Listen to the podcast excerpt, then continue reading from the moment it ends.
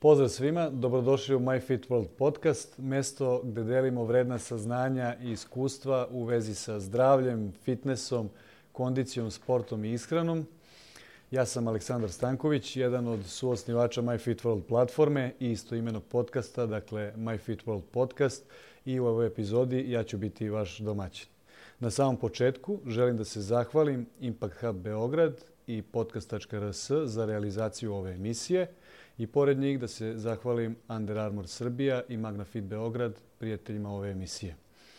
Za sve koji nas žele pratiti, možete nas pratiti u video i audio formatu, u audio formatu podcast.rs, Sounder FM, Spotify i svim drugim većim podcast platformama. Video format My Fit World Team, ovom prilikom vas i molim i zahvalan ću biti ukoliko zapratite našu stranicu na YouTube kanalu, gde možete pisati sve komentare i sugestije Budite slobodni da pišete šta god želite. Želimo da budemo na usluzi i vrlo rado ćemo pogledati sve vaše komentare.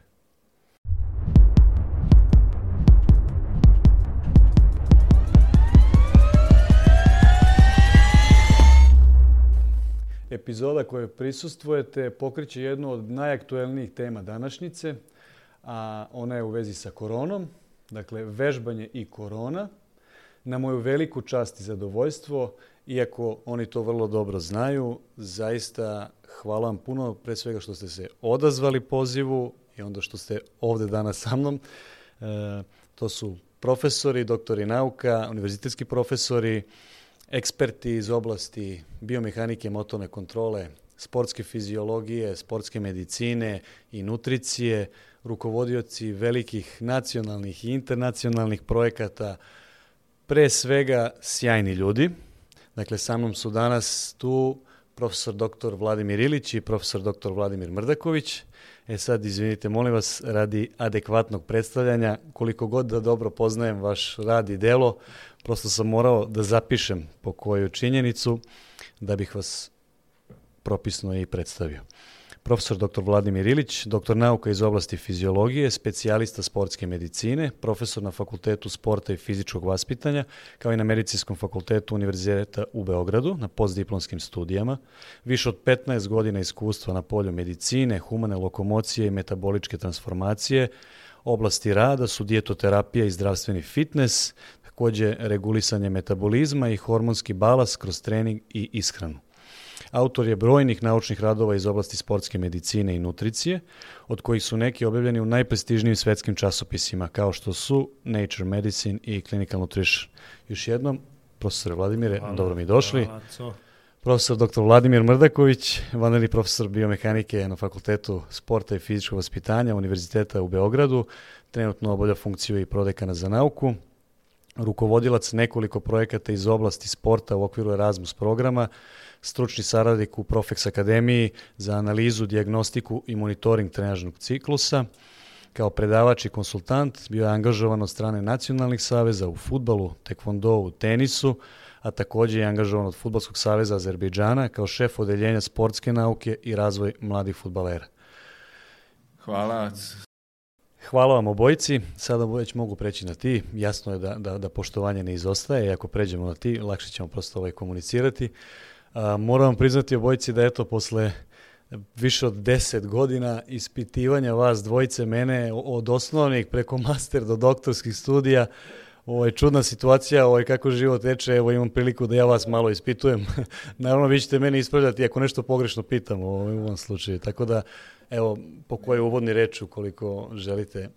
Ovaj, kako, kako bismo rekli, šta da ti kažemo, ovaj, Aco, kad, kad sve znaš, ovaj, to su odgovori, ovaj, odgovori profesora. Hvala na pozivu, mislim da, da je ovo jedan, ajde tako kažem, ambijent koji e, zahteva i ovako javno izlaganje i elaboraciju malo dublju kada je u pitanju pre svega primjena neke fizičke aktivnosti u ovo doba i u, ovo, u ovom periodu kada su generalno mnogi ljudi zbinje, zbunjeni pogotovo kada je u pitanju fizička aktivnost, tako da odlična tema, odlični sagovornici, hvala na pozivu i mislim da ćemo ovaj, u tom smislu lepo da razmenimo iskustva pre svega, a onda i neka ovaj, saznanja koja imamo, jer ipak je ova oblast neka oblast koja tek treba u nekom proaktivnom smislu da se dodatno izučava i, i, ovaj, u tom smislu utemelje neka znanja. Pa suština, hvala Sale. Ove, pa suština našeg profesorskog to poziva jeste da kao krajnji, da zna, pod znaci navoda, proizvod imamo tako dobre studente koji, koji ovaj, dođu do tog nivoa da mogu da ispituju svoj profesor. Što znači da imate dovoljan kvantum kvalitetnog znanja da možemo da, da barabar e, komuniciramo i da obradimo neke teme koje su sad trenutno aktuelne, s tim što, što ja zaista ne volim što mi pričamo sada e, u sklopu ove pandemije samo o imunitetu i značaju fizičke aktivnosti na sam naš imunni odgovor, mi bi o tome morali da razmišljamo e, bukvalno svaki dan, jer e, zaista ne postoji ni jedan jedini suplement na tržištu koji može da zameni i unapredi imunni odgovor kao što to može fizička aktivnost, ali pravilno koncipirana i dozirana.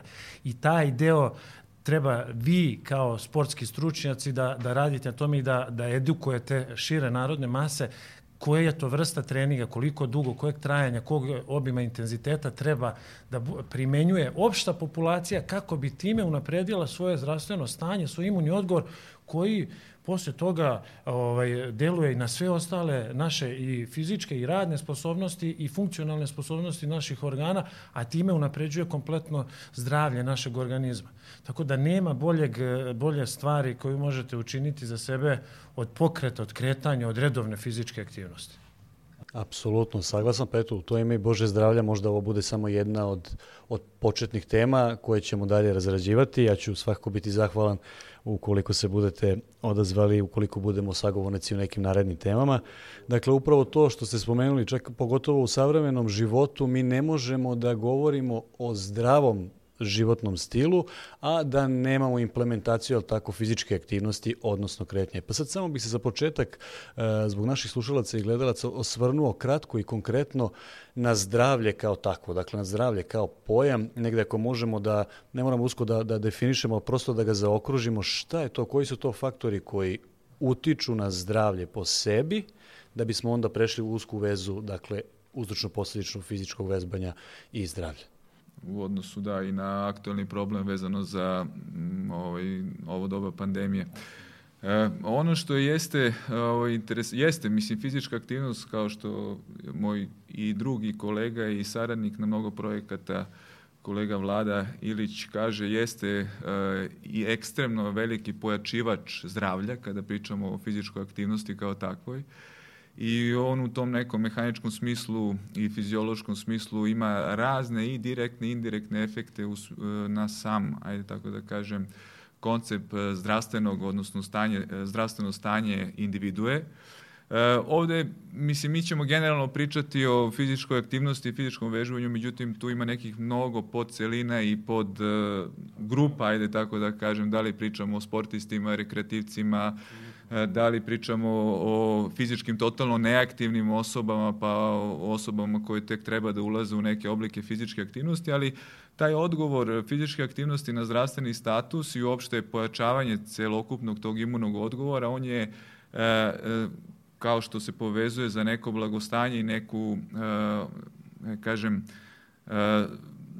pojačavanje nekog zdravstvenog statusa i uopšte imunološkog odgovora i uopšte zdravstvenog stanja, a pre svega iz ugla primene adekvatne doze fizičke aktivnosti, ono se ne razlikuje, znači ti benefiti se ne razlikuju od benefita koji se vezuju za neke druge druga poboljšanja koje se baš vezuju za neka hronično oboljenje ili neke druge probleme u kojima imamo dokazanu povezanost fizičke aktivnosti sa e, nekim, ajde da kažem, hroničnim oboljenjima. Od e, kardiovaskularnih do nekih metaboličkih problema, do čak i e, povezanošću fizičke aktivnosti sa smanjenjem rizika od pojave, na primjer, kancera. Svi ti oblici stimulusa imunog sistema ne razlikuju se od onoga koji se vezuje za zaštitu fizičkog stanja i uopšte organizma čoveka kroz fizičku aktivnost, a vezano za ovaj virus COVID koji je trenutno aktualan. Tako da to su ili direktni mehanizmi, to će verovatno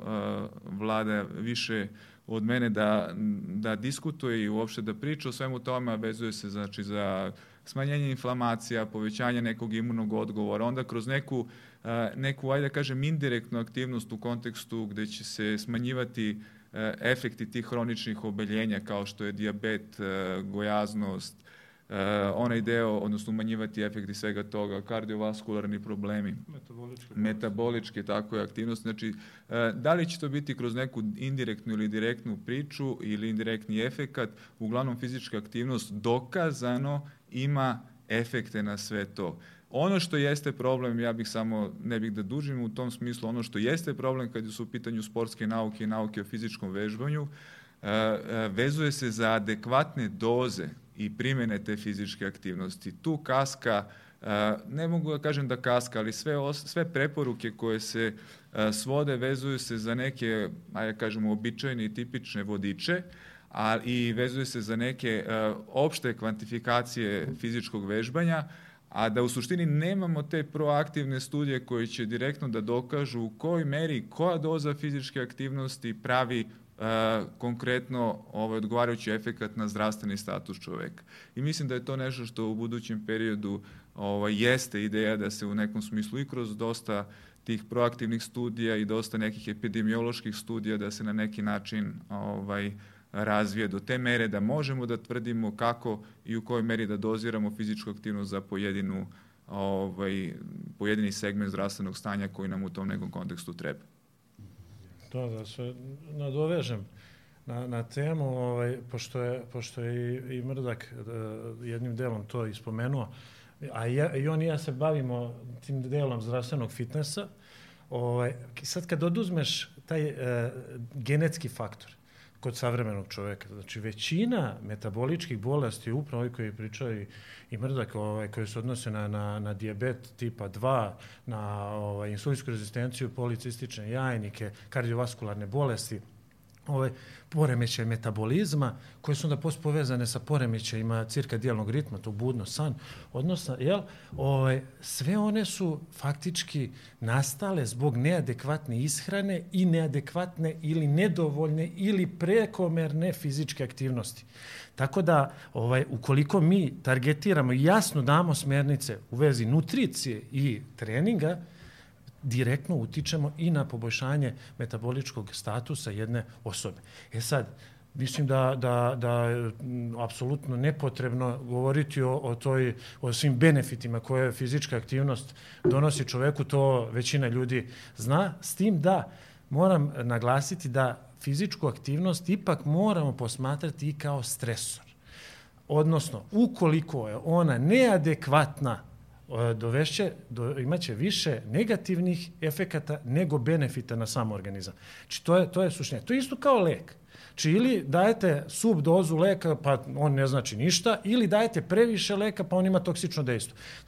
Kao i u fizičkoj aktivnosti, mi moramo da imamo određeni opseg da bismo iskoristili sve što fizička aktivnost pruža. I sad, apropo cele ove situacije, meni je jedna od tih konačno dobrih ovaj odluka koje su donete je i tada o, se fitness centri otvore i da rade svaki dan, da nemamo te pauze u treningu, jer je zaista fizička aktivnost prva linija odbrane od e, e infekcija.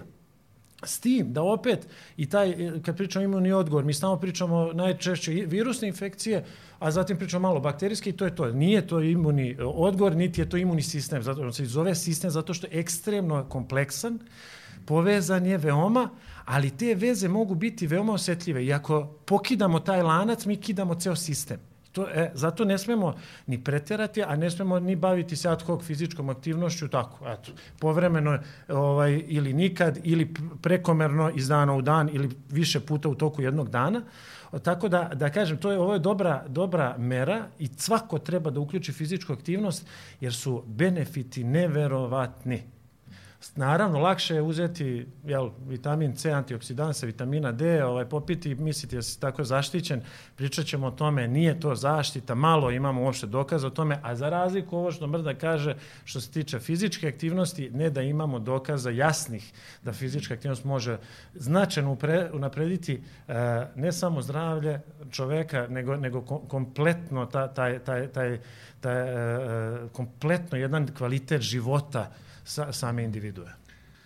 Nema, ovaj, moram, pošto je napeto, ovaj, jak, mnogo, jak, mnogo je ovaj, aj kažem, informacija, tako da nema šta da nas No, pitaš. Evo, mi ćemo da pričamo. ispričati, da. Idemo dalje, ovaj, da, da ti olakšamo. Ali imam samo uve- nadovezivanje opet ove, uvek eto taj deo e, posticanja u smislu i samih nekih, ajde kažem, informacija koje je vlada sada rekao, a u odnosu na pre svega, ajde, vraćam se na ovu dozu fizičke aktivnosti i to jeste u suštini, e, mi uvek volimo da kažemo, trening može da bude potpražni, znači da u tom smislu ne daje dovoljan efekat za neke detalje, može da bude e, predoziranje nekih detalja, a efekti svega toga, da li će biti ta neka doza aktivnosti prekomerna ili premala, opet e, zavisi od, od jednog veoma značajnog faktora, a to je populaciju sa kojom se bavimo. I taj, na primer, pre svega je, kažem, odnos koji se vezuje za e, stimulisanje, na primjer, i uopšte tog imunog sistema ili uopšte benefita koji se vezuje kao benefita fizičke aktivnosti za zdravstveni status i za imunni sistem, pošto je to tema eto, današnjeg nekog razgovora. E, parabola u smislu primene neke fizičke aktivnosti kada je u pitanju neki prosječan rekreativac koji se uvodi u rad i uopšte kada je u pitanju, ne znam sad, vrhunski sportista, elitni sportista u odnosu na to. Kada imamo, na primjer, premali e, mali od, ok, nema, ne postoji reakcije i ne postoji stimulus organizma ni u jednom smislu, ni kada je u pitanju smanjenja inflamacija, ni, na primjer, povećanja imunog odgovora. Kad dođemo do neke umerene fizičke aktivnosti, postoji, na primjer, deo koji se vezuje da se povećava imunni odgovor, na primjer, kod rekreativaca, kod neutreniranih, hajde tako da kažem, rekreativaca i odatle niz tih preporuka u smislu umerene fizičke aktivnosti. To je možda malo i zamena teze, ja uvek volim da koristim taj op, termin optimalna fizička aktivnost, jer umerena na primjer, za nekog ko je jako utreniran, nije mu optimalna, je tako? Ona mu je potpražna u tom smislu, ali, na primjer, dalje povećanje intenziteta aktivnosti kod, na primjer, neutreniranih osoba, ovo što vlada kaže kao stresogeni faktor utiče na smanjenje, je tako, imunog odgovora, dovodi do neke vrste pretreniranosti, a na primjer kod elektnih sportista to postoji jako veliki broj studija kada je u pitanju ovaj praćenje tih biohemijskih parametara koji u tom nekom smislu ovaj prate, ajde da kažem, imunni odgovor sistema, dolazi se do, do toga da u suštini nema propadanja i smanjenja tog imunog odgovora, već šta više u tom smislu, odnosno, ajde tako da kažem, e, povećava, odnosno sam stimulus, sam, sam sportista, pošto je bažare, baždare na te velike stresogene utice od strane trenaže, trenažnog nekog stimulusa, e, mnogo mu više prijeju nego neke potpražne ove aktivnosti. Tako da poenta neke priče koju sad sam hteo da kažem, se u suštini vezuje za, ne, ne, e, za e, poštovanje ne, optimalne intenzitete i poštovanje neke rutine. Jer to je poenta cele priče i za to nam u tom nekom kontekstu mnogo služi taj monitoring treninga, koji pričat ćemo eto o tome kako se on radi. On se zasniva i na nekoj diagnostici, i na analitici, i na praćenju nekog opterećenja, ali pre svega e, hoću da kažem da mora se pronalaziti optimalne trenažni stimulusi za različite populacije, i u tome nam pomažu neka sredstva koja se pre svega koriste u okviru izučavanja u sportskim naukama. I mislim da je to nešto što i svi propagatori fizičke aktivnosti i svi lideri u tim oblastima moraju nekako da se vode tom nekom idejom kako bi u tom neko, i tim znanjima kako bismo u smislu imali pravilne doze fizičke aktivnosti za različite populacije. Da, to je, ovaj, mislim, mi se ipak obraćamo najvećoj delu populacije koji su rekreativci ili apsolutno neutrenirane osobe i to jeste ta jasna razlika se mora napraviti između rekreativaca i, i vrhunskih sportista. Tako da vrhunski sportista se konti, kontinuirano izlaže e, većem nivou stresa i ima i drugačiju ishranu, ima drugačije koncipiran trening, oporava, kompletno sve to što prati, tako da se i taj a, deo imunog sistema adaptira na takav i stil života i sve što je vezano za, za, za, za njegov sportski staž i, i sport kojim se bavi. Tako da i između sportista imamo značajne razlike.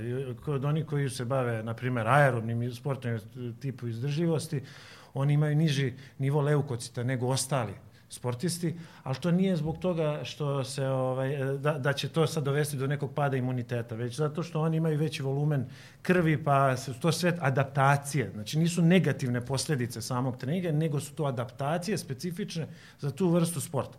Ali obzirom da se mi e, ovdje i obraćamo većem delu populacije, rekreativaca, onda to mi treba upravo da, da, da iznesemo taj značaj redovne fizičke aktivnosti. Ali znajte da jedan jedini trening će dovesti do promjena u imunom odgovoru, samo jedan, koji može trajati danima nakon treninga. Danima.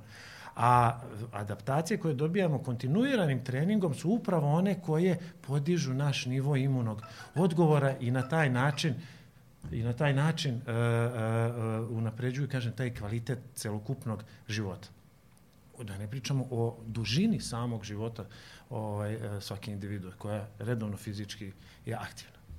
Jasno, jasno. Upravo, upravo ono što sam želeo zapravo da, da, da zaključimo zajedno, da rezimiramo. Definitivno dolazimo do zaključka i dobro je da smo tu iz, iz struke, znači biomehanika, fizička aktivnost, sportska medicina fiziologija. Dakle, ja kao neki tipičan primjer difovca, odnosno neko ko je zagovornik vežbanja, definitivno ono što, što nam je jasno, a to je trebalo bi biti fizički aktivan. Da bismo pričali o zdravom stilu života, trebalo bi uvrstiti fizičku aktivnost jasno uz sve ono što smo pomenuli, pratimo dakle i adekvatnu ishranu, faktori kao što su stresori, jedno je fizički, jedno je psihološki san i odmor, dakle sve to moramo posebna tema tako. Upravo imati na umu. E sad, i ljudi kažu sjajno saglasni smo. Ali upravo dolazimo sad u, u, u ovo stanje u kome smo, dakle pandemija. I sada nekako deluje da, da, da su mnogi ljudi, iako su svesni činjenice, odnosno svega ovoga o čemu ste govorili, da je, da je zaista istina, nekako su se uplašili i prvo čega su se odrekli je vežbanje. Dakle, ono što mene zanima da, da, da malo ovaj, obuhvatimo temu, dakle, korona je tu, pandemija je tu, istina ti neki spoljašnji faktori koji mogu uticati prilično loše na, na naše zdravlje, čak i na život, ne daj Bože, E, su prisutni, da li bi trebalo vežbati, pretpostavljam koji je odgovor, ali ovaj, ostavit ću vama da kažete. Dakle, da li bi trebalo vežbati i ukoliko da, kako bi se trebalo prema tome hoditi. Dakle, da li vežbam, ono, treniram, kako god da hoćemo da kažemo, isto kao što je bilo pre ove situacije ili to menjam, u odnosu na koje kriterijume menjam, u odnosu na koju populaciju bi šta trebalo gledati da bi se menjalo. Pa eto, Pa evo, hoćeš ja da... Sve, može, da. Ovaj, uh, u svakom slučaju uh, trebalo bi da, da, da ne izbacimo tu najbolju naviku koju smo imali, a ako smo i uopšte imali, a to je fizička aktivnost. Uh, prva stvar, asimptomatske osobe jednostavno ne mogu da prenesu bilo koju vrstu infekcije ukoliko nismo baš u direktnom kontaktu uh, sa tom osobom, jako bliskom, ukoliko dok pričam sa njom ona ne izbacuje te kapljice koje mogu onda dovesti do toga da se, da se uh, prenese sama infekcija i to nije vezano samo za COVID, to je vezano za bilo koju uh, tipa virusnu infekciju. Tako da uh, tu straha ne treba da bude Tako da, e, ako se pridržavamo samo onih osnovnih mera, znači to neke distance, normalne distance, da ne uzimamo uh, piće posle, da koristimo iste posude sa pićem, da delimo sa drugom osobom, da peškire, opremu, uh, mi nemamo povećan rizik od nastanka infekcije. Ukoliko osoba ima izražene simptome, kašlje, temperaturu, loše se osjeća, pa onda je jel, logi, zdravo razumski, ne treba tu ne, nikakva nauka ni filozofija o tome. Znači, mi nemamo nikakav rizik od transmisije e, virusne infekcije ukoliko se pridržavamo ih osnovnih pravila. Pa s tim u vezi ne, nema razloga nositi posebno tokom treninga ni maske. To je moj stav, to se i sad polako provlači i kroz neke radove. O, tako da, da e, fizičku aktivnost primjenjivati apsolutno uz određene mere predostrožnosti. Tu e, nemamo nikakav rizik, a benefiti su više struki. Koje su, dakle, u vezi pre svega tako sa koronom? Dakle, ne menjamo način životna stil? Mere koje važe za e, COVID infekciju, važe i za ostale infekcije. Tako da, da ne treba tu praviti neke razlike. To mene onako malo iritira. Stalno, sad je samo korona, korona kao da drugih više infekcija nema. Pa postoji hiljade, hiljade različitih virusnih infekcija. Tako da a, moramo o tome biti svesni svaki dan, ne samo kada je neka aktuelna pandemija ili epidemija. Znači uvek razmišljati o tome. Da, i dakle opet se, izvinjavam se, sa, samo mala digresija, dakle u, i u tom smislu opet vraćamo se na ono što smo prethodno rezimirali upravo, dakle i dalje su preporuke, odnosno ono čemu bi trebalo voditi računa, to je generalno pratiti stanje, znači uz taj zdrav način života i fizičku aktivnost koja je redovna i dalje, dakle održavamo neko fizičko i mentalno zdravlje uz toga, znamo da je i kao psihoterapija, tako neki stres management vrlo efektno, ovaj, trebalo bi se držati istih principa, pojačane higijenske mere, što kaže radi predostrožnosti, a, a ono što sam ja želeo da, da se nadovežem, nekoliko velikih studija u Americi su pokazale da nije postojala nikakva statistička značajnost, u, u, odnosno nije bilo uzročno posljedično povezan e, e, boravak u teretani sa koronom. Dakle, bila je P na nivou 0,00001, znači jedan u nekoliko ono, miliona slučajeva prema, prema tim studijama. Tako je, to je ovaj ne samo ne treba nam istraživanje, to nam je iz neke naše ovaj iskustvene, ajde ja kažem, o, del, delatnosti koje imamo svakodnevno gde mi u okviru u centra, u okviru Profex Akademije imali smo vrlo mali broj odnosno broj zaraženih osoba, naravno veliki broj populacije je zaraženo, ali vrlo mali broj, odnosno ja čak i ne znam da se neko ikad i uopšte u smislu nekog direktnog kontakta zarazio u teretani, na primjer, uz neke mere predostrožnosti koje smo, ovaj tih osnovnih mera gde su naravno treneri i, i svi ostali prisutni kažem, ne vežbači nosili u tom nekom smislu ovaj maske. Tako da i uz naravno održavanje higijene. Tako da taj efekat mislim da u tom nekom smislu nema ovaj, povezanosti super ako postoji taj statistički podatak, na primjer da u džimovima se malo, ali moramo malo da se, mislim stvarno smo u tih poslednjih eh, godinu dana, godinu i nešto dana eh, svi onako bili zbuljeni, pa sećate se da smo u tom periodu imali zabranu kretanja na, ovaj, na otvorenom, pa u tom nekom smislu, ok, mislim, nepredvidiva je situacija, E, nije se znalo o čemu se radi, pa u tom kontekstu kako su se stvari otvarale, tako se i stvarao prostor da se ustanovi to mišljenje da je ipak fizička aktivnost neka neophodnost koja ne samo da ovaj nije rizična, nego u tom kontekstu da je i od benefita za sve ovo o čemu, o čemu pričamo. A baš u to doba, eto, da li da ili ne fizička aktivnost, ono što jeste neka preporuka generalno e, kada je u pitanju praćenje tih i uopšte korišćenje fizičke aktivnosti, to je baš e, e, poštovanja i uopšte stvaranje nekog kontinuiteta, odnosno rutine u nekim aktivnostima koje mi sprovodimo kad je u pitanju, pogotovo sad mi pričamo o fizičkim aktivnostima. Znači vi ako, ako ste u nekoj situaciji da, da iz, izvodimo čoveka iz neke dnevne rutine u kojima on ima neku uh, kontinuiranu stimulaciju kroz fizičku aktivnost, a uvodite ga u neki ritam, sad baš pričamo o nekim aktivnim rekreativcijama, a uvodite... Plus psihološki stres, plus fiziološki stres, stres da. jer ovo što je vlada pomenuo, mnogo su više dokazani imunološki odgovori na fizičku aktivnost kad su u pitanju akutni efekti u odnosu na hronične efekte. Šta to znači?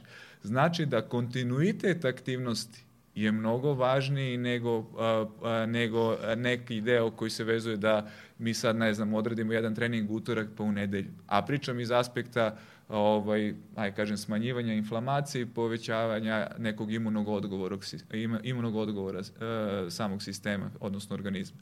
Znači, mi pričamo pre svega o, to, o tom kontinuitetu i mi uvek kada i radimo tu neku trenažnu periodizaciju, šta su uobičajeni saveti?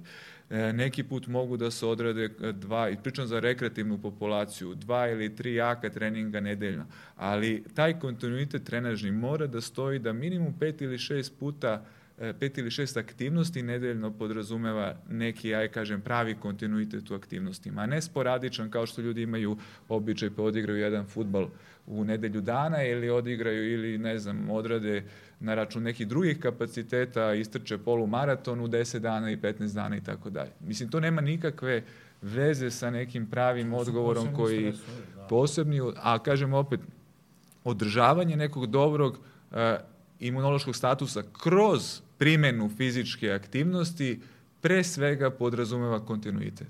Znači, to je jedna mnogo, ajde kažem, jaka zakonitost koja ovaj, pre svega iz ugla, kažem, fizičke aktivnosti treba da se, da se sprovodi.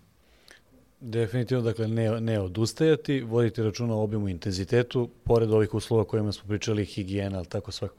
E sad, spomenuli ste dok ste pričali nekoliko za, za zanimljivih informacija i upravo se to dobro nadovezuje u redu. Bio sam primeran, uzoran, dobro, regularno sam trenirao, iz nekog razloga desilo mi se, dakle ne možemo definitivno uzročno, posledično povezivati zbog vežbanja ti si se ili samo zato što nisi vežbao ti si se razboleo, dobio si, ali definitivno možemo reći da naročito ukoliko ste već primenjivali fizičku aktivnost, trebalo bi sa time i nastaviti. E sad, desilo se da dobio sam koronu. Pritom ja sam konkretno i lično, imao sam koronu, preležao sam, bio sam pozitivan 22 dana, imao sam lake simptome, ležao sam svega 4-5 dana i između ostalog sam i sa lekarom iz COVID centra uz dogovor rekao mi je izoluj se dok izađeš iz stana, posle šeta i pogotovo u tom periodu je bilo nešto sunce, to je od velikog benefita, ja sam zaista osetio, opet kažem, ja nisam neki pripadnik opšte generalne populacije, već neko ko je malo više utreniran i ima negde prilično zdrave životne navike.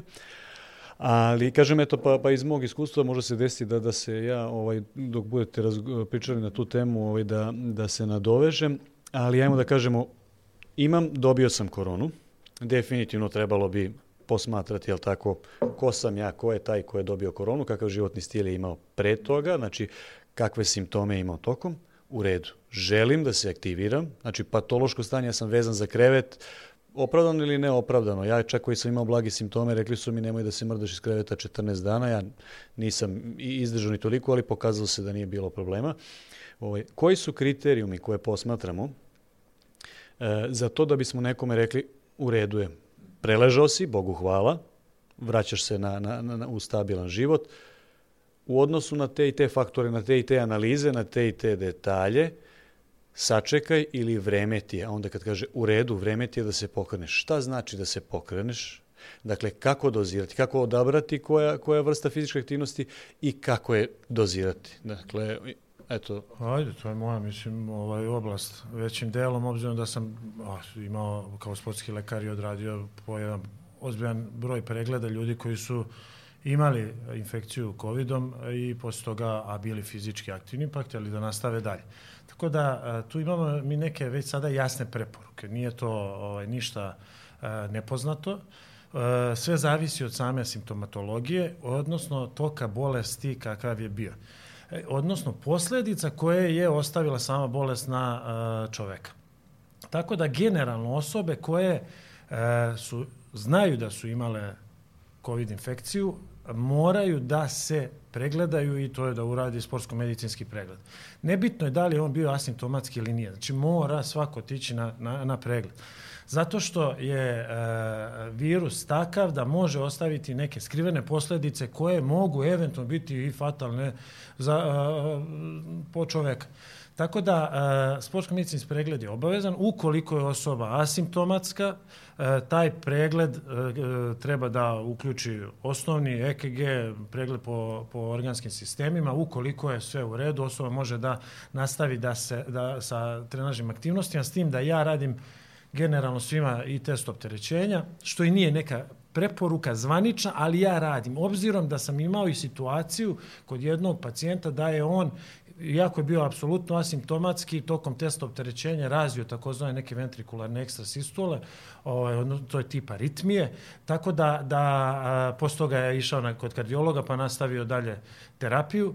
E, iz tog razloga preporučujem da se radi test opterećenja kod svakoga.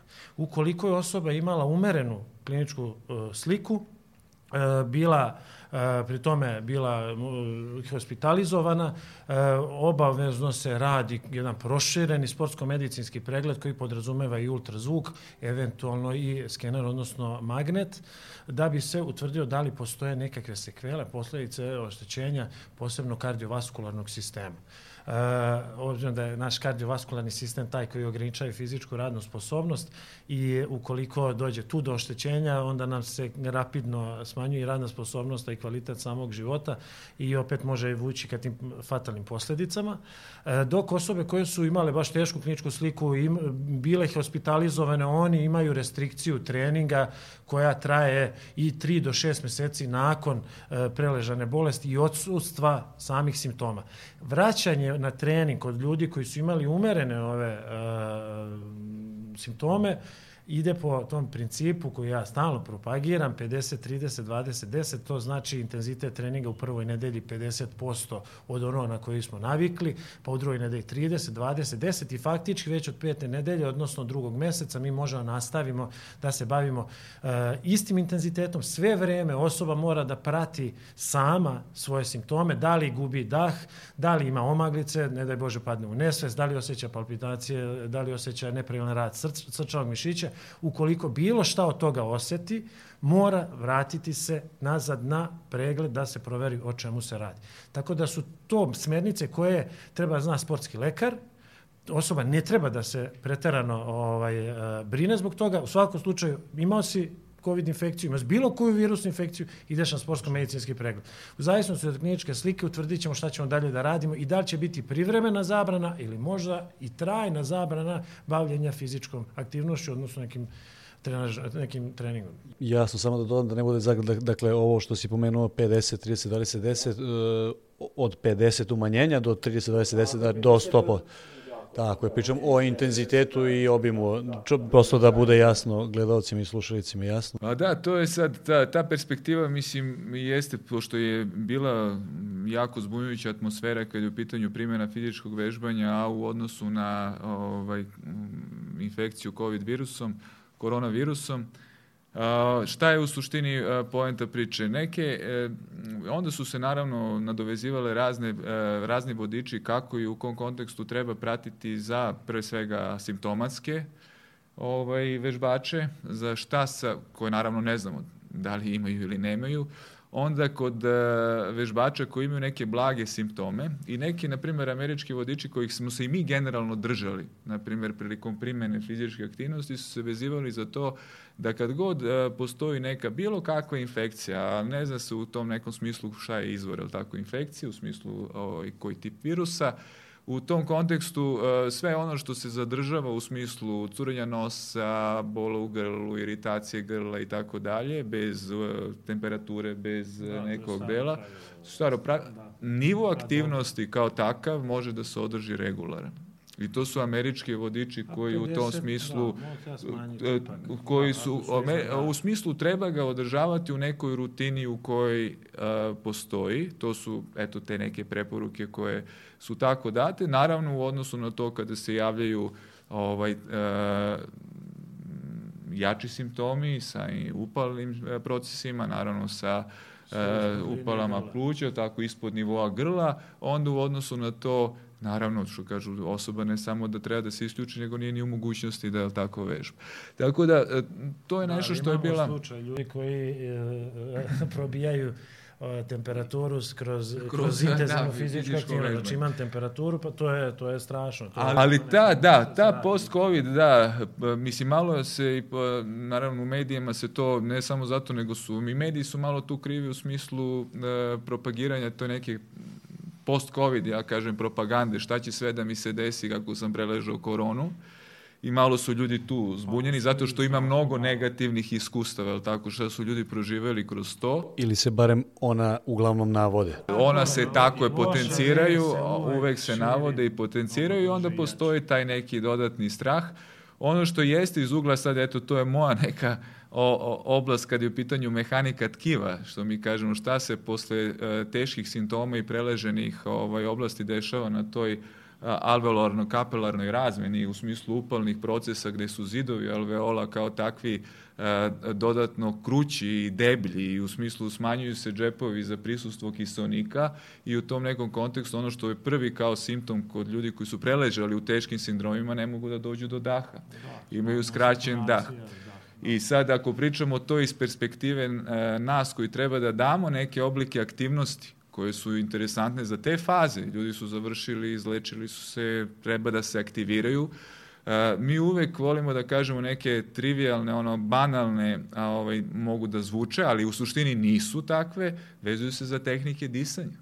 Znači da mi kroz neke uh, uh, razne principe uh, udisaja polako pokušavamo da dobijamo elasticitet svih tih krajnjih delova respiratornog sistema, da u tom nekom smislu kako se radi to, zato što mi ni u jednoj opciji ne možemo posle tih jako dubok udah da uradimo, tako, nego se kroz neke dobre tehnike disanja rade kratki, sitni udisaji, bez, znači, aj kažem, sa nekom kratkom pauzom, ali sve do nekog nivoa koji podrazumeva pun kapacitet za to stanje, pa onda naravno lagani udah. Jer niko neće moći da dođe u situaciju da posle takve situacije i uopšte upalnih procesa ima produbljeni udah iz jednog, što mi kažemo, a svi kao žavi potencijare diši duboko i diši zdravo. Nego to mora da se radi kroz neke male sitne tehnike, znači uh, udisa koji podrazumevaju punjenje ovaj, tako, do određene mere kapaciteta. Druga stvar, uh,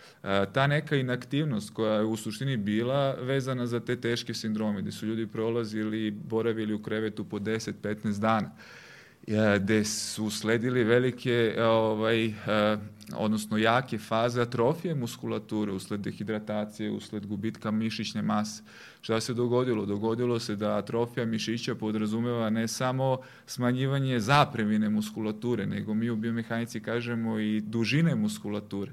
Pa taj neki prvi efekat ojačavanja, na primjer, osoba koji treba podrazumeva eh, primjenu nekih vežbi takozvani mobilnosti i tehnika istezanja. Pa bez obzira koliko to zvuči malo, čak i za e, elitne sportiste i tako i za rekreativce, moramo da primenjujemo neke tehnike istezanja, a mi znamo u mehaničkom smislu da i te tehnike istezanja kada se primenjuju, one se ne koriste samo za izdužljivost mišića da bismo bili elastični, nego se koriste i za ojačavanje, ili tako muskula, toniziranje, tako je. Tako da ti efekti su prve ne, prvi neki koraci koji bi u suštini bili interesantni da se i bili važni da se radi, a, rade, a nisu jako intenzivni, a uopšte ovaj, nisu, ajde tako kažem, uh, opterećujući ni za kardiorespiratorni sistem, ni u tom kontekstu možemo da, da što kažu, guramo dalje. Upravo, upravo to hvala. I ono, I ono što je meni jako važno kao, kao, kao zagovorniku, dakle, fizičke aktivnosti, ali kao takve, ne prosto određenog specifičnog vida, upravo to. Dakle, mi smo malo od koga, gotovo da nismo čuli, možemo reći uz apsolutno ovaj, svo uvažavanje, da je redko ko došao sa preporukama lekara, iako bi zapravo trebalo da je nakon dijagnoze, analizi dijagnoze lekara otišao kod stručnjaka iz oblasti fizičke aktivnosti. Dakle, nemamo mnogo iskustva da je neko rekao, e, upravo to, trebalo bi da se vratim, ja ću sada da primenjujem određene tehnike. Dakle, od onoga što je suštinski, da kažem, žargonski nadrljalo, dakle, nastradalo najviše kardiovaskularni respiratorni sistem, dakle, da to povratim bazično, a zatim neku fizičku aktivnost koja će da utiče na šta, dakle, šta mi je neophodno. Bio sam nepokretan, da budem pokretljiviji, upravo atrofirao sam, odnosno izgubio sam mišićnu masu, oslabili su mišići, korimo da kažemo i krući su mišići, skratila se dužina uslovno rečeno, Dakle, da vratim funkcionalnost u osnovnom smislu da bih mogao da budem fizički aktivan u onom smislu koji mi svi zapravo na prvu loptu doživljamo, to je neka šetnja, duga šetnja ili trčanje, neki kao kardio treninga, zatim povratak u teretanu. I tu se čini da većina ljudi gubi dragoceno vreme i zapravo gubi e, e, e, u pristupu, gde svi kažu, up, čekaj, i dalje mi je visok D dimer, ne znam, CRP, možda mi samo ovaj, to bi bilo dobro da se dotaknem, a kaže onda, tamo sačekat ću tri meseca. I onda kao na štopericu, sačekao sam tri meseca, evo ga recimo, sad banalizujem malo, tri meseca, jedan dan, idem da se vratim sa društvom na futbal, tenis ili da istrčim malo, pa još pređem u vertikalu, u vertikalni položaj, pa onda trčim još, ako je to neki asfalt, kruta podloga, onda neki funkcionalni disbalans koji se desio dok sam ležao, onda kapacitet gde je meni kada ležim izjednačen, jel tako, krvni pritisak, manji udarni volumen i frekvencija srca, ja odem u vertikalu digo, onda sam još ubrzo korak ili počeo da trčim, otišao sam na 100 i nešto posto aktivnosti od perioda u kom sam bio. Ovaj, pa povezujem ono što ste me na, na, naučili, ovaj, ono, pa vi me ispravite. Da, e, e, dakle, ne, ono što je jako važno, dakle, svi mi negde i u praksi se sa time susrećemo, nažalost nema dovoljno ovaj jasnih preporuka i tog, tog logičkog ovaj e, e, otvaranja cele situacije. Upravo zato sam vas zapravo izvao. Upravo ovaj A i mi smo sada pro, ovaj proširili po, po prilično temu o, a, a i to opet stvara sigurno konfuziju kod, kod ljudi koji su lajci iz ove oblasti, a traže konkretan odgovor koji treba je kratak. I to je najlakše. A, a kratak odgovor postoji, to nije ništa strašno, ovaj, niti, niti komplikovan. E, svako ko je imao infekciju bilo koje vrste mora da odradi sportsko-medicinski pregled. To je suština. Ja ću tu pogledati da li, je taj, da li su ti medijatori zapaljenja visoki C-reaktivni protein ili ovaj, D-dimer je nešto što pokazuje kakva je koagulabilnost naše krvi, da li postoji e, tendencija ka stvaranju krvnih ugrušaka i na osnovu te laboratorije i pregleda samog utvrdit ću kakav je funkcionalno kapaciteta osoba. Ona ne mora da se bavi tim uopšte niti da, da, da sama na svoju ruku određuje da li treba da se na, vrati trening, ne treba ili šta da radi posle toga. Sportski lekar je taj koji daje zvanično za, u svom zaključku kakva je zdravstvena i radna sposobnost te osobe. Na osnovu toga čovek koji je iz sportskih nauka, naši studenti fakulteta sporta, oni na osnovu toga znaju kako da doziraju sam trening, uključujući i specifične tehnike disanja, odnosno rastezanja, ali u svakom slučaju će krenuti od toga da znaju da su funkcionalni kapaciteti smanjeni. Ide se od opštih principa ka specifičnim, naravno će se raditi kada se smanji mišitna masa, kada se smanji jačina udarnog volumena, sve o što si ti sada pričao, ta, smanjit će se naša opšta izdrživost, a smanjit će se i zbog mišićne hipotrofije i mišićne žitna snaga, ali jedan fa, fakultetski obrazovan e, stručnjak iz sporta, naš difovac je znati kako da periodizuje trening i u kom intenzitetu da radi u odnosu na preporuku sportskog lekara. I tu osoba ne treba da razmišlja previše o tome. On se drži, drži jasnih preporuka. Odeš na pregled, vidiš posle toga šta ćeš da radiš, trener zna šta će da radi sa tobom. Samo jedna, ovaj, ono što je, ovaj, moram da kažem u tom nekom smislu i dopuna, neće, neće moj drug Vlada da se na mene ovaj, u tom smislu naljuti, a, a ovaj, bolje, bolje da se ne naljuti. ovaj, šta, radi se o sledećem. Kad smo preživeli, kad moram tako da kažem, znači nemamo E, nikakve obst, e, obstrukcije zdravstvenog tipa da u tom nekom kontekstu uključujemo se u fizičku aktivnost. Da možemo da imamo e, neke minimalne doze gde u suštini kroz jako detaljani klinički pregled smo utvrdili da možemo da budemo aktivni. To je, što kažu, zakon bez koga u tom nekom smislu ne počinjemo. Međutim, ceo opseg u smislu doziranja fizičke aktivnosti treba da bude baziran uh, na još e, subtilnijoj analizi, monitoringu i diagnostici motoričkih funkcionalnih sposobnosti.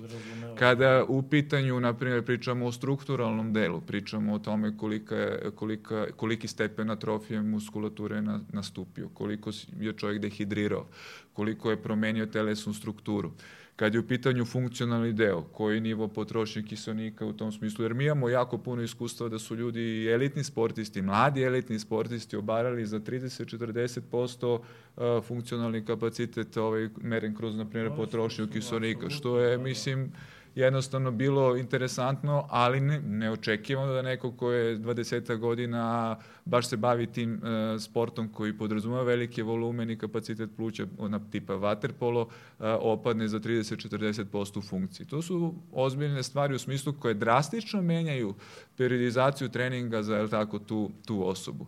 Ali ako uh, znaš šta radiš, brzo se i vraćaju. Da, da bismo znali šta radimo, moramo da imamo taj još subtilniji test iz ugla, ne samo to kliničkog odsecanja, da li on zdrav ili nezdrav za aktivnost. To je recimo to početna varijanta to na koju se nadograđuju. To je nadogra... E, to da je tako, znači posle tog kliničkog dela ima niz, e, odnosno set diagnostičkih procedura koji nam omogućavaju to. Jedna banalna priča vezana za elektromiografiju, pa na primjer, eto, postoji e, te indikacije, mislim, to je sad nekako, eto, informacija gde mi pričamo malo i iskustveni deo, a imam, imamo podršku i u okviru samih ovaj nalaza, gde su, sam primjer, poredili e, funkcija, primjer, ono što je klasičan sindrom e, ljudi koji su preležali i, od sportista i od rekreativaca, to je velika faza zamora, je tako? Ljudi su u jako velikoj, posle pre, pre, pre, preležanog virusa, teških sindroma imaju taj osjećaj zamora. Pošto su simptomi slični ovaj, i taj akutni respiratorni sindrom SARS, na primjer u tom kontekstu kažu da su ljudi 4-5 godina nakon izlečenja od toga osjećali te efekte zamora. I onda ima niz nekih, na primjer, analiza zašto, ima tih perifernih, da ne, ne, ne zamaramo puno. Ali, na primjer, dosta se, e, zašto se i taj zamor javlja, ima dosta u tom nekom smislu pretpostavki zašto je čovjek uopšte osjećaj, ima jako velike osjećaje umora posle toga. Ali ono što je, na primjer, na tom neuromišićnom delu interesantno, a to je da postoje teze da na kraju krajeva i neuromišićna propagacija se jako usporava. Znači, provodljivost mišića kao takva. Pa jedan banalan test koji nije iz kliničkog domena, ali iz domena procena neuromišićne funkcije za trening, mora da se uradi da vidimo koji je stepen ne mišićne jačine, kako da kažemo, koliko možemo mi da podignemo, nego koliko je generalno taj mišić sposoban da uđe u aktivnost na neku pojedinačnu kontrakciju. Jer ako to imamo kao e, deo koji je isključen, mi stvarno moramo da krenemo od nekih bazičnih nivoa u smislu klasične rehabilitacije. Bez obzira na to da li je ta osoba bila visoko aktivna ili ne, ali on, mi je tretiramo iz ugla klasične rehabilitacije, kao posle povrede ili ne znam nekog ovaj, drugog osvećenja da se uopšte bavi fizičkim aktivnostima. Jasno, jasno. E, s obzirom na to da ja pretpostavljam i ono što je generalno ovaj cilj, to je da no, najšire, e, najširu populaciju, iako je ovaj, e, vrlo dobro dotaći se svih ovih niša. Dakle, opšte preporuke kada smo preležali, Bogu hvala, kažem opet ovaj koronu za, za sve koji jesu, Bogu hvala takođe veliki broj ljudi, Dakle, mi ne možemo tek tako reći odmori mesec, dva, tri, CRP nizak, D dimer nizak, sad izvoli šetaj. Koliko šeta? Koliko sam ležao, dakle kolika trofija i tako dalje. Dakle, e, možemo reći da i određeni drugi vid fizičkih aktivnosti, kao što ste pomenuli, znači od, od banalne motorike, da kažem, ovaj, disanja, dakle od, od vežbi disanja do rastezanja vežbi mobilnosti koje su vrlo efektne, ovaj, ako pričamo o nekim opštim preporukama za, za mnoge ljude koji, nažalost, jer tako situacija je takva da, da i nisu svi u mogućnosti da, da, da priušte sebi ni vremenski, ni finansijski, generalno tako kom, kompletan monitoring i, i jedan onako pravi zapravo, jedini pravi suštinski pristup, reći neke ovako ovaj, opšte preporuke u redu je, trebalo bi, možeš se vratiti fizičkoj aktivnosti, ali evo upravo na ovaj način na, na, koji, ste, na koji ste pomenuli. I, i ovaj, zapravo ono što bih voleo za kraj, tako pričamo o vežbanju i zdravlju, ali kako se ciklus obrće, tako sa početka smo rekli ne samo vežbanje, već ono što je vežbanje kao nešto što definitivno troši naše telo, zamara naše telo, dakle pričamo, vodimo računa o intenzitetu i o obimu, u svakom slučaju, naročito za vreme pandemije, e sad, na tu temu se obavezno i neizostavno nadovezuje i ishrana i suplementacija. Pa bio bih zahvalan da eto prosto zbog, zbog svih onih koji nas prate da, da jer znamo da je prilično polemike oko toga, da, da, da, da date određene preporuke, dakle, šta imati u vidu, šta, e, šta uključiti u kom trenutku uz vežbanje ili pre ili Znači, e, ishrana e, ima tu imunomodulatornu ulogu, znači nutrijenti i makro i mikro iz namirnica mogu da utiču na naš imunni odgovor. Znači, imunitet je u direktnoj vezi sa metabolizmom.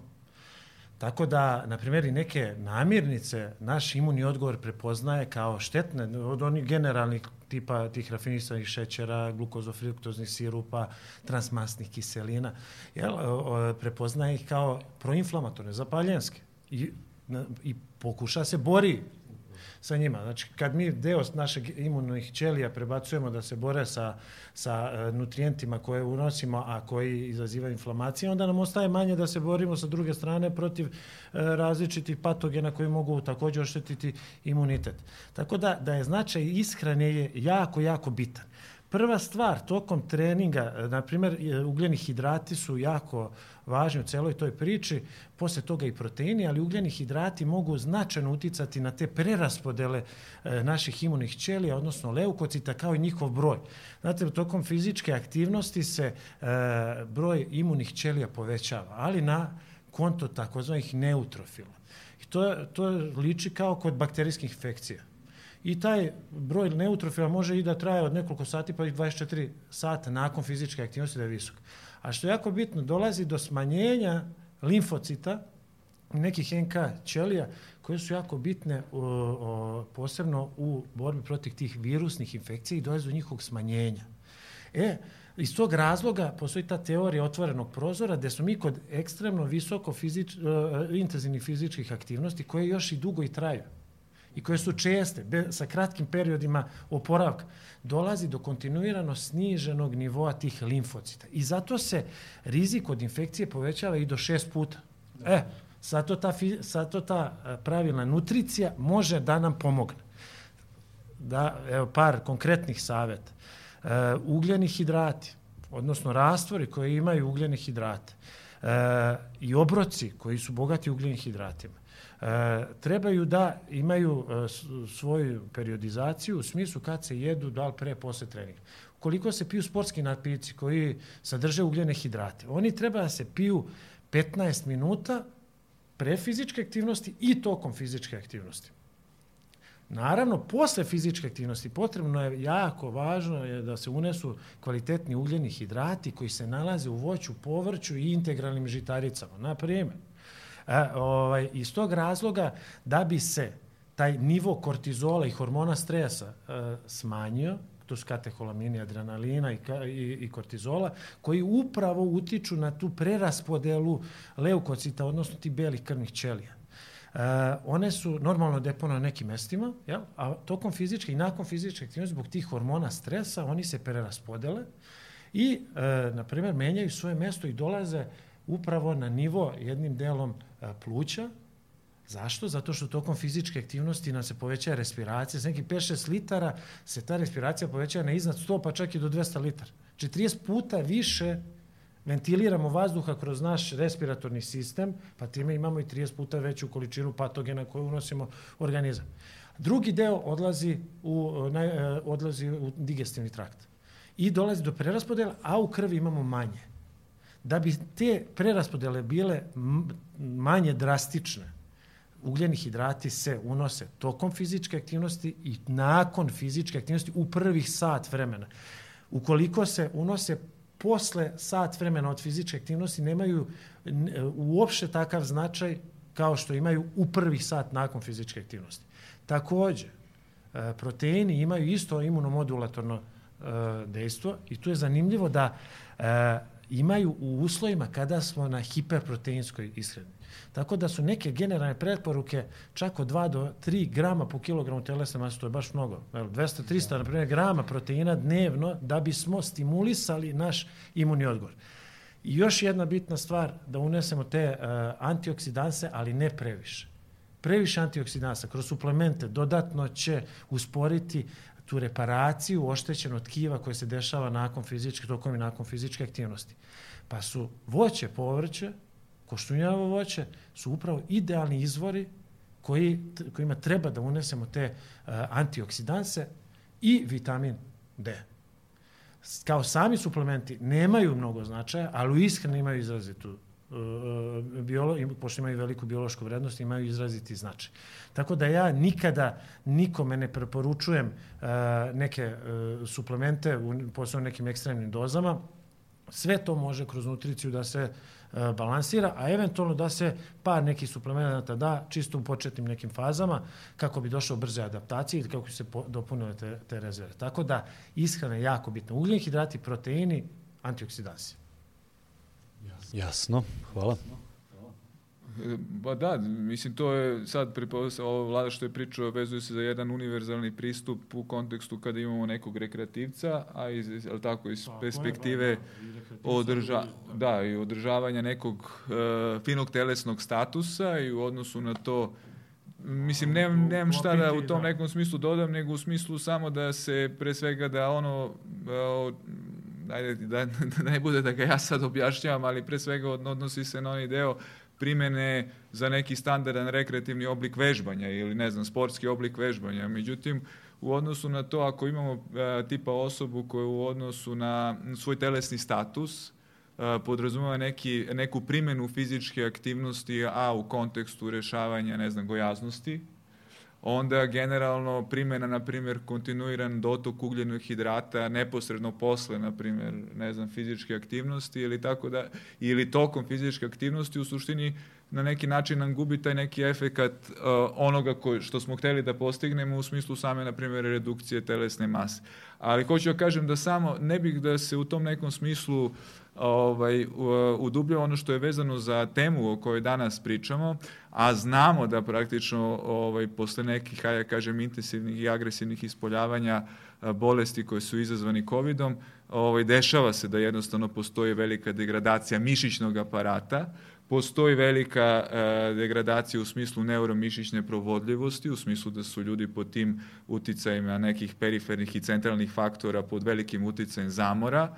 E, treba primenjivati razne oblike i uopšte po znacima navoda ne suplemente, nego suplemente kroz e, tako prirodne namirnice koje će da pospeše taj deo ovaj oporavka od neurotransmitera koji u suštini podrazumevaju bolju provodljivost omega-3 masnih kiselina koje se tako dobijaju kroz ribu, e, neki deo vitamina B6, B12 koji u suštini podrazumevaju opet integralne, integralne žitarice, tako da je sve u kontekstu da bismo, opet ja kažem iz konteksta poboljšanja funkcija sistema imali neku dobru podršku u, u, u tom delu. Međutim, ono što jeste interesantno e, prikazano i, e, prikazano i kroz istraživanja na nekom velikom uzorku a na kraju krajeva to se nekako i primenjuje i nekako i kroz praktični primjer i uopšte neku empiriju to možemo da vidimo.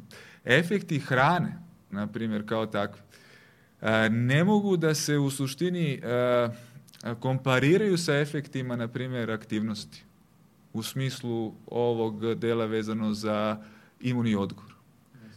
Znači, ne, to, je, to je vrlo važno da se kaže. Znači, neki put... Pričao, da, izvini, da, ne, ne, ne. Nakon treninga i nakon, treninga. Kao do, to, I mi uvek da, kažemo, da. bez hrane ne može ništa, a u tom smislu ona daje kompletnu podršku celu priču, ali je podrška.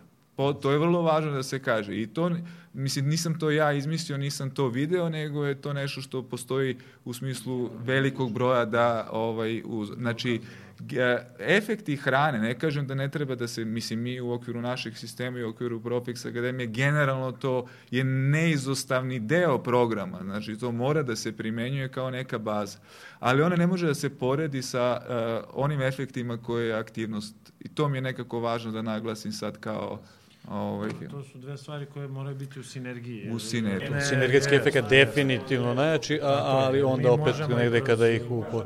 I, I neke negativne posledice tog visoko intenzivnog i dugotrenog treninga, zato sam ja apsolutno pobornik e, toga da, da znaš šta radiš. Kada treniraš ti moraš znaš šta radiš, šta je tvoj cilj treninga. I trening, sad to ne znam da će se vlada, ne, možda neće i složiti, ali ja tu imam i dokaze, a to je moje lično mišljenje, trening, glavni deo treninga mora da se koncipira u neki sat vremena. Znači, on ne može da traje sati. I posle treninga mora da postoji faza uh, aktivnog oporavka, koja je na niskom intenzitetu, či vežbe rastezanja, ciklične vežbe na eliptiku, na traci, na biciklu, kako, u fazi takozvanog hlađenja, koji će dodatno uticati na sniženje, to i sniženje tih hormona stresa koji se javljaju tokom intenzivne fizičke aktivnosti.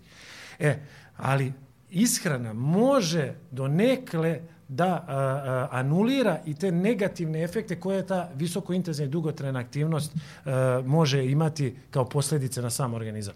Tako da one su integralno jedan sa drugim, i nar, ali s druge strane, sama ishrana bez fizičke aktivnosti ne, ne, ne može izazvati te željene efekte koje mi e, posmatramo kroz prizmu poboljšanja e, funkcionalnih i motoričkih sposobnosti. Tako da, da Zato moramo, to, to je integralno jedno sa drugim veoma povezano, jedno bez drugog ne može. Jer i sami ste videli da ljudi imaju, e, treniraju godinama, a, a i psihofizički izgledaju gore nego što su izgledali pre nego što, kad su počeli da treniraju. Znači, negde da. postoji greška, ili u samom treningu, ili u onome što ona jede pre posle treninga, ili onoga što, o čemu ona razmišlja. Tako da je to kompleksno, veoma, i, i, i svi ti faktori moraju se stalno pratiti. U svakom slučaju, e, e, što se tiče same infekcije, e, ishrana može poboljšati samu i ublažiti samu kliničku sliku. Jel? Ove, Prije toga, ako se neko bavio, on ima prvo fizičkom aktivnošću, on ima manji rizik od nastanka infekcije. Posebno ukoliko je to sa aspekta rekreativca umerenog intenziteta, odnosno optimalnog intenziteta Optimalno. i trajanje do nekih sat vremena. Pa i ako je ta osoba gojazna, ima neki metaboličko oboljenje, šta znači metaboličko oboljenje? Pa znači da ima konstantno inflamacije ili kod gojaznih, oni imaju konstantno inflamacije, zapaljenje u svom telu. Kad imamo zapaljenja, mi deo našeg imunog odgovora, kažem, preusmeramo na konstantno rešavanje problema, posledice, a na uzrok, ako delujemo, mi ćemo otkloniti tu posledicu. Tako da, kroz fizičku aktivnost, Ona će blagotvorno delovati i na imunni sistem, preko toga što ćemo e, regulisati našu telesnu masu, regulisati hormone, dovesti do balansa, a ishrana će u svemu tome dati jedan dodatni e, da. backup da. koji će, koji će sve to um, e, značajno naprediti Tako da moramo razmišljati. Samo još jedna, ova, mislim, jeste to da se samo ne posvađamo do kraja. Ovaj, ne, ne, bude, ne bude, da ne bude tuča. Šalim se, mi smo, ovaj, samo šta je ono što mora da se, ovaj, što mora da se vodi računa u smislu da to je ta struktura trenažnog procesa. E, nije bitno da li ona traje 60 minuta, 90 minuta, 270 minuta. Totalno je iz te neke perspektive možda i nevažno. Ta, to strukturiranje trenažnog procesa unutar tog perioda je mnogo važno. Znači, tako je, zato što u suštini mi ako primenjujemo, na primjer, razne, to što je vlada sad i pomenuo, na primjer, procese regeneracije i rehabilitacije u smislu uh, prethodno sprovedene vežbe, imali smo blok, evo sada pojednostavim, od 30 ili 25 minuta intenzivnog vežbanja, pa smo onda imali blok u smislu 15 minuta, 10 minuta smirivanja cele priče sa mnogo rasterećenja košno-zglobnog aparata, mnogo istezanja, mnogo rastresanja muskulature u smislu dovođenja cele priče kad je u pitanju neuromišićni aparat na neko optimalno stanje, pa onda ciklično kroz nekoliko etapa to radili. Mislim da taka vrsta, ne da mislim, nego taka vrsta treninga generalno i funkcioniše, ima jako dobrih efekata, ali je vrlo važno da ta struktura treneža aktivnosti se na neki način vodi. I ono što i jeste, znači to da, ne, da ljudi generalno uopšte ne tumače trening iz ugla tra, vremenskog trajanja, nego iz ugla tako strukture šta se u okviru svega toga radi. Ako, I to je šta radiš, onda to treba da da sprovedeš u nekom, ali u optimalnom vremenskom I ono što je apropo da šta znači optimalno, to sam da. hteo da kažem da ovaj što je u suštini još jedan deo ovaj vrlo važan za praćenje ovaj uopšte a u kontekstu je aktuelne situacije a u kontekstu nekih i preporuka kako ljudi da se ponašaju u ovo doba kad je u pitanju trenažni pri, pri, pristup, tako je. Upravo je znači, to da li je, ono što da li je u pitanju, neki da, da li je u pitanju znači, neki efekat koji podrazumeva, ne znam, sad pričam masovno u odnosu na ljude koji nikada nisu vežbali, ljude koji su ovaj, dobro trenirani rekreativci, elitni sportisti, a to je E, treniranje u onim zonama intenziteta i obima, kako mi to volimo da tako kroz trenažnu strukturu predstavimo, koje predstavljaju rutinu, za koje smo se pripremali do danas. Znači mi, ako, hipo, evo primjer konkretno, ako smo u proseku vozili bicikl, uzet ću jedan banalan trenažni pra, parametar u smislu prelazili 10 km a, prosečno nedelj, a, dnevno bicikl. I to je neko, kako mi zovemo, akutno, odnosno hronično opterećenje koje smo radili dva, dva meseca ili tri meseca. I imamo uh, analizu da je to obim rada koji podrazumeva da smo vozili nešto prosečno dnevno 10 km. Ako smo u tom nekom smislu primenili opterećenje koje je u jednom danu, uh, u toku jedne nedelje i tako u kontinuitetu 14-15 km, znači mi da smo 40-50% iznad tog nekog našeg naše akutno opterećenje je 40-50% više uh, uh, i iznad onog hroničnog opterećenja koje mi imamo. Takve vrste opterećenja su dokazano uh, destimulišuće za razne varijante kad je u pitanju kao, ovaj, kao intenzivni stresogeni faktor koji obara imunni sistem, koji stvara jako velike preduslove za povređivanje lokomotornog sistema. To su znači epidemiološke studije pokazale u smislu praćenja ovaj, na neki način. To, to mi zovemo trenažni monitoring. Isto tako, Ako primonimo, sad vraćam se na, na konkretan primjer, opterećenje koje je 7 km, koje je na 60-70% od onoga što mi, za što smo mi pripremljeni, a to je neko hronično opterećenje koje imamo, mi opet podbacujemo sa trenažnim efektima. Svi trenažni efekti dolaze u situaciju da budu nedovoljno izraženi, nemamo dovoljan stimulus na naš i fiziološki i uopšte mišićni i skeletni aparat i opet uvodimo telo u veliku predispoziciju u smislu i povređivanja i svih nekih, ja kažem, loših efekata kad je u pitanju potpražno opterećenje.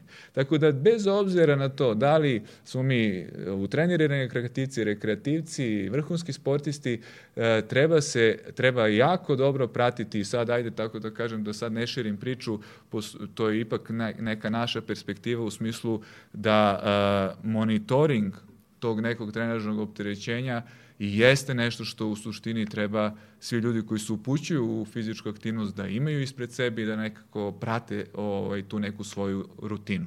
Jedna samo preporuka da ljude ne buni, neću dugo kod toga, to su neke standardne preporuke koje, to je jako interesantno apropo intenziteta fizičke aktivnosti, savremeni vodiči u smislu upravljanja nekih efekata na uopšte i mišićni i fiziološki status čoveka podrazumevaju neki dijapazon od 150 minuta neke dnevne umerene aerobne aktivnosti uz dva neka treninga snage. Ti vodiči se sada pomeraju u smislu da preporuke nisu više u tom smislu umerene, nego da bismo uopšte napravili neki efekat na kardiorespiratorni mišićni aparat, oni to nazivaju, moraju da budu energičnije, žustre. Moraju da budu, drugim rečima, oni su to ovaj, za, kažem, prosječnu populaciju interpretirali, ali moraju da budu malo intenzivnije, jer umerena aktivnost, odnosno minimalna aktivnost, kao tipa neka šetnja gde nemamo neke orijentire ni vremenske i tako, destimulišić, odnosno nije ni destimulišić, ali nije, ne tretira se kao, kao aktivnost. I sad su svi vodiči su se prebacili od pre deseta godina gde su bili baš vezani za to, eto, budite aktivni pa aktivni, kako god, e, na onaj deo koji se pod, e, podrazumeva, eto sad ove preporuke osnovne koje sam sada rekao, mogu da budu, na primjer, efektne za nekog ko nije u aktivnosti i počinje sa tim. Tako je, opet tako ono individualizacija je. gde si bio i ono, ono o čemu se pričamo. Koji, mislim, te preporuke su ravno, odnosno jednake su tome kao kada kažemo e, treba zdravo da se hranite. Znači, jednako su tome. Ili kao kaže, e, a šta je to? pa tih 75 minuta to je jednako tome kao, e pa treba da imate dobar balans proteina, ugljenih hidrata i ne znam masti. Šta je to, koliko je to? E, to su, pre, mislim, ti vodiči su jednaki tome. Tako da, ipak treba imati preciznu diagnostiku, treba imati dobro vođenje, mislim, to hoću da promovišem, ovaj, ljude koji se generalno u tom nekom smislu bave ovim, ovaj, ovim oblastima preporuka, nema, nema veze, tako, znači kako i na koji način, ali moraju da budu usmereni ka neko. Ako imaju svog lekara, ako imaju svog advokata, ako imaju svog računovođu, moraju da imaju neko ko ih u nekom smislu vodi kad je u pitanju doziranje fizičke aktivnosti. I to jednostavno mora da se tretira na taj način, jer drugačije sve ostalo ovaj, su neke proizvoljni jel, tako, modeli. Da li na nivou vođenja ili na nivou konsultacija, to nije ni važno, ali mora da se dobiju povratne informacije od ljudi koji imaju saznanje i koji imaju iskustvo. Da, to, to, to se apsolutno slažem. Mislim, to je ovaj, bez, bez neke jasne upravo to i diagnostike, ni mi sami koji se time bavimo ne možemo dati neke preporuke. Znači, to, to je ono jes što i mene isto nervira. E, ajde daj mi kao šta da jedem i kako da treniram. Mislim, na osnovu čega? Znači, u odnosu na šta, na kakve ciljeve, na, na, na kako ću ja znati koji je to početni nivo tvoj ako ne uradim nešto. E sad, naravno da ne može svako imati ni svog lekara, ovaj, iako po zakonu jel, ima, ali, ali svako ne može imati baš svog ovaj, da sportskog stručnjaka, da, ali bi trebao bar da se konsultuje. I jesu uh, te mere generalne, i te mere kao i ona svetske zdravstvene organizacije koja govori da treba 60% bude nekih e, kalorija iz ugljenih hidrata, 10 do 15 iz e, proteina, ostatak iz, iz masti, e, nisu donele specijalno ništa, u razvijeni svet, ako se i držao tih nekih generalnih preporuka, je povećao incidencu gojaznosti do ekstremnih vrednosti, koje su opet onda uticaje metaboličke, pa na smanjenje radnih sposobnosti, pa na više povređivanja, na, na loši imunni odgovor, jer bilo šta da pokrene se i da počne radi, to, to kreće. I onda imate sa druge strane osobu koja je takva, neaktivna i onda dođe preporuka, ajmo sad taj vigorous, odnosno intenzivna fizička aktivnost, ne bude 20 do 30 minuta. Koja, kad, kako. Intenzivna fizička aktivnost je hodanje, e, naj, ono, običnije hodanje za osobu koja ima 200 kg, to je ozbiljna fizička aktivnost. Za sve ostale to nije uopšte fizička aktivnost. Tako da ona nema nikakav efekt ni na šta na našem organizmu, sem neke rekreacije. Jel? E, tako da, da mi moramo imati nekakve kriterijume za, za taj intenzitet. Intenzitet da bi bio visoko intenzivan. Znači moramo da se zadišemo i moramo da, da izgubimo dah dok govorimo. To je, na primjer, taj walk and talk tehnika, da vi, ukoliko ne možete sastaviti tri reči u kontinuitetu, vi ste na zoni takozvanog anaerobnog praga, odnosno je ta intenzitet veoma visok. Ukoliko možeš da sastaviš do nekih šest reči, to je već neka optimalna fizička aktivnost koja, ukoliko se sprovodi sledećih 60 minuta, će zaista imati benefit na e, razvoj imunog odgovora i smanjenje rizika od nastanka infekcije. Da ne pričamo o benefitima koji će imati na taj telesni sastav, na kompletno metabolizam organizma.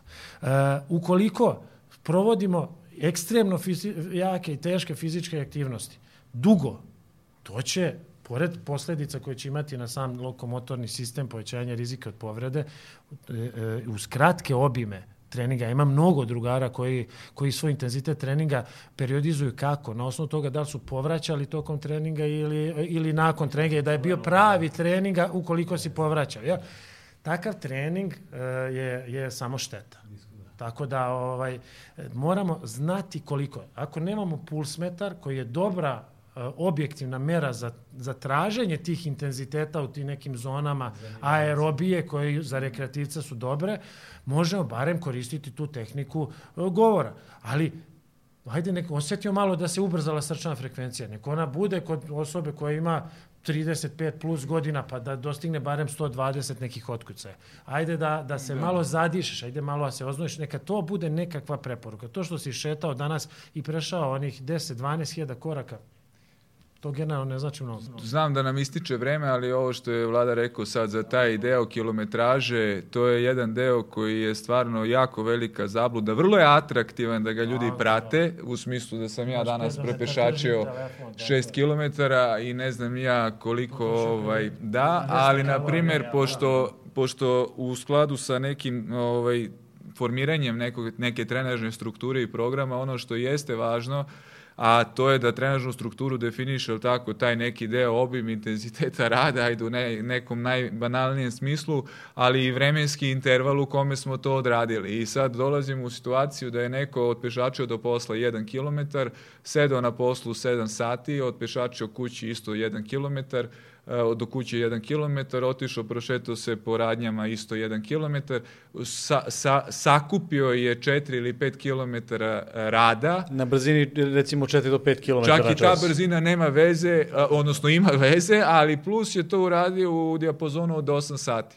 Znači, taj neki interval u tom nekom delu uh, pređene kilometraže je vrlo jedna onako banalna mera, to je neki savet, to stvarno ne treba da se gleda, jer taj deo kilometraže ničemu ne služi. Znači, uh, možda ste malo više potrošili džona i patika i ne znam, iz globova, kad moram tako da kažem, jer taj spori hod, eto još jedna ovaj, preporuka koja u tom smislu mora da se vodi, mora da se hoda, što kažu, žustro, brzo, iz ugla, uh, iz globnog aparata, zato što naš pokojni uh, profesor biomehanike Pavle Opavski i koji je eto bio nekako i ovaj, ostavio nam u amanet par nekih izjava, pričam i za mene i za profesora Duška Ilića, gde sad zajedno eto, radimo na predmetu biomehanika, on je volio da kaže za hodanje, kaže niz uzastopnih katastrofa.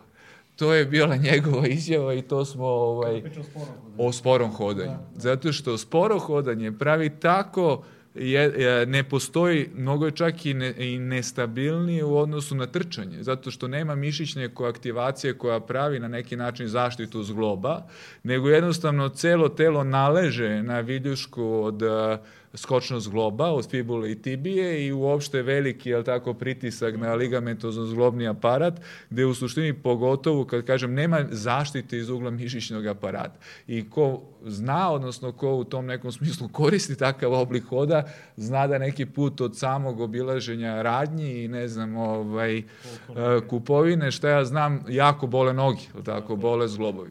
Tako da i kičma, a, fi, a fizički drugačije, a fizički uopšte trenažni efekat je u suštini stvarno nula, osim što smo napravili oštećenja za zglobom. Znači, da se slažu i ti ja. Ovo. Pa dobro, da. Bar nešto. Jasno. Bar nešto. Neka eventualno konkretna zaključna kratka reč ili preporuka u, u, u najkraćim mogućim crtama za naše gledalce i slušalce? Iako već možemo prilično veliki broj zaključaka da izvučemo. Što se tiče trenutnog stanja, eto ja to je ono što mi prolazi i što je to je održavanje rutine.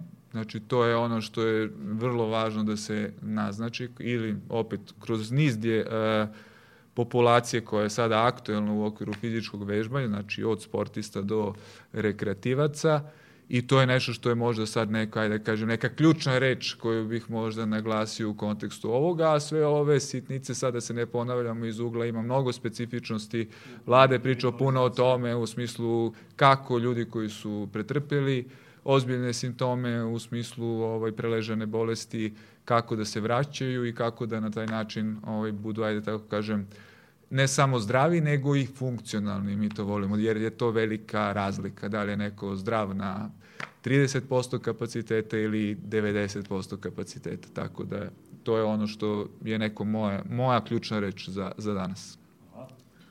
Pa e, ja se nadam da, da su ljudi shvatili koliki je značaj fizičke aktivnosti i ishrane i da je to veoma kompleksna oblast, znači to je nauka, nauka i ovaj, iz tog razloga je e, teško ishvatljiva, a sa druge strane mi e, upravo iz oblasti ishrane i treninga volimo mnogo toga da banalizujemo.